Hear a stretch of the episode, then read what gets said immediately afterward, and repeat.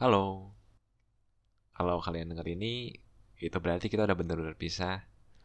Karena gue bakal kasih ini pas lagi kangen-kangennya. Dan mungkin kita udah terlalu canggung buat ngobrol lagi. Ya intinya gue kasih ini waktu ketakutan terbesar gue terjadi. Yaitu pisah sama kalian. Ya nggak tahu ya kalau kalian bisa nemuin ini sebelum gue kasih. Waktu kalian denger ini, coba deh keluar dan lihat langit